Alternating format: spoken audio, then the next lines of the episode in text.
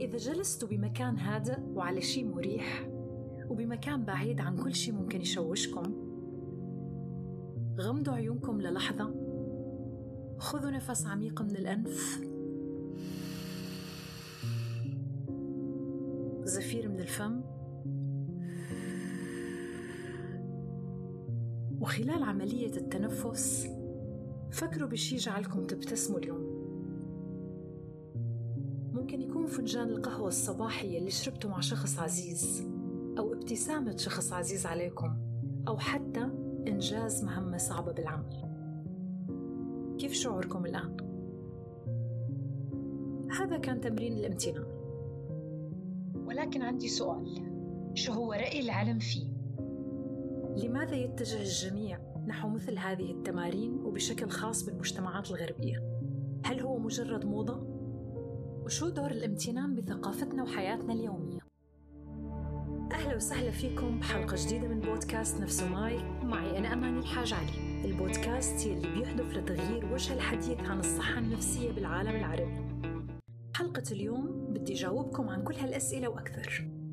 الامتنان هو أسلوب حياة. بيركز على كل شيء إيجابي وجيد حولنا من تجارب وأشخاص. يعني ببساطة نكون شكورين. هالشي بيساعدنا على التركيز على الجوانب الإيجابية بالحياة ومنصير منشعر بالرضا عن كل شي منمتلكه وممكن ممارسة الامتنان بتمارين عدة. منها التمرين اللي عملناه ببداية الحلقة.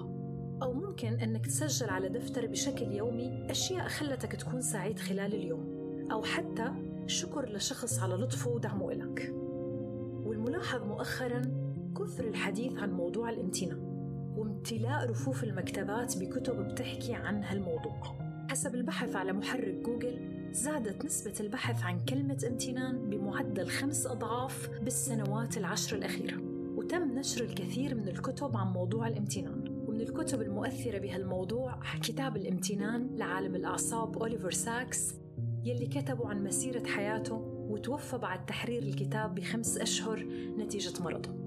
بالإضافة لمشاهدتنا للكثير من المسلسلات والأفلام والوثائقيات يلي بتركز على موضوع الامتنان وأنا شخصياً بتفهم كثرة الحديث عن هالموضوع بالمجتمعات الغربية لأنه بطبيعتها بتركز على مفهوم الفردية والعيش المستقل يلي بحد العلاقات الاجتماعية بينهم. وكمان النزعة الاستهلاكية الكبيرة بهالمجتمعات يلي مبنية على فكر استهلك أكثر. ويلي بالتالي بتخلق شعور بعدم الرضا والسعي نحو المزيد.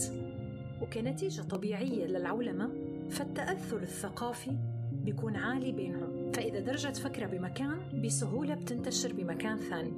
وهالعوامل كلها بالمجتمعات الغربية تخلق حاجة لممارسة الامتنان بشكل دائم نتيجة تأثيراته الإيجابية على المزاج والصحة النفسية بتقليل معدلات القلق والاكتئاب. أما بالنسبة للمجتمعات العربية فمفهوم الامتنان متأصل بثقافتنا وكلمة شكرا موجودة بشكل كبير بعلاقاتنا مع الآخرين على أي عمل أو خدمة بيقدموها إلنا. وحتى بالدين الإسلامي بحضنا على الامتنان والشكر كما في سورة إبراهيم ولئن شكرتم لأزيدنكم يلي خلاني أحكي عن هالموضوع هو التغيير الحاصل بالمجتمعات العربية بحيث يلاحظ ازدياد النزعة الفردية فيها. ولأنه من الضروري أيضا تسليط الضوء على موضوعات الصحة النفسية العالمية وتعريف المستمع فيها وبالانتقال من التحليل الاجتماعي والثقافي لجذور هالظاهرة والحاجة إلها يا ترى شو هو رأي العلم بظاهرة الامتنان؟ استوقفني بحث تم نشره على موقع هارفارد هيلث لعلماء النفس الدكتور روبرت إيمونز والدكتور مايكل ماكول يلي اسمهم مربوط بشكل كبير بالأبحاث عن مفهوم الامتنان شكل هالعالمين ثلاث مجموعات للمشاركين وطلبوا كتابة بضع جمل كل أسبوع من كل مجموعة. طلبوا من المجموعة الأولى أنه يركزوا على فقط الأشياء اللي كانوا ممتنين إلها خلال الأسبوع. أما المجموعة الثانية فطلبوا منهم كتابة عن الانزعاجات اليومية خلال الأسبوع. أما المجموعة الثالثة فطلبوا منهم يكتبوا بشكل عام عن جميع الأحداث سواء كانت إيجابية أو سلبية. وبعد عشر أسابيع استنتجوا إنه يلي كتبوا عن الامتنان كانوا هم الأكثر تفاؤل بكل المجموعات وشعروا بتحسن بحياتهم وقلت عندهم نسب الاكتئاب والتوتر.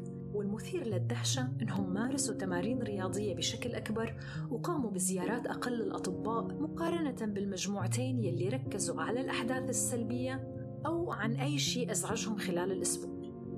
وببحث أكثر كما هي عادة بودكاست نفسه مايك للتعرف على الموضوع من عدة جوانب وجدنا رأي ثاني بعدم وجود علاقة بين الامتنان وتحسن الصحة النفسية وذلك حسب دراسة نشرت عن National Library of Medicine عام 2010 يلي نصحت بالمزيد من الأبحاث للتأكيد على فعالية الامتنان.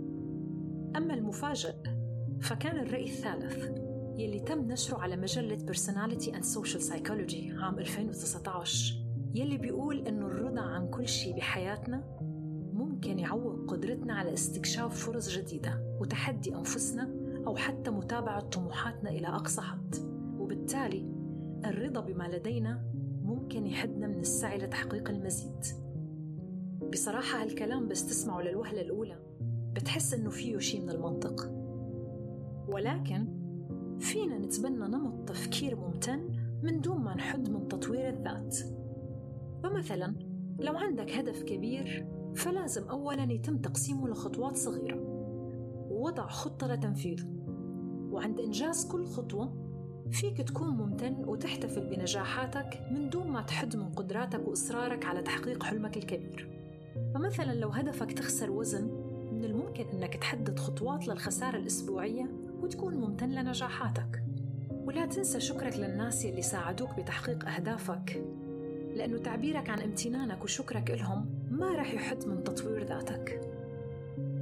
بالنهاية أنا حكيت يلي عندي عن الامتنان وأنتم مستمعينا كيف كان شعوركم لما شكرتوا أشخاص ساعدوكم على تحقيق أهداف أو انشكرتوا من أشخاص على مساعدتهم لكم وشكرا لكم مستمعينا ولا تنسوا مشاركة الحلقة مع المعارف والأصدقاء لتعم المعرفة وفيكم تستمعوا للبودكاست على جميع منصات البودكاست المختلفة.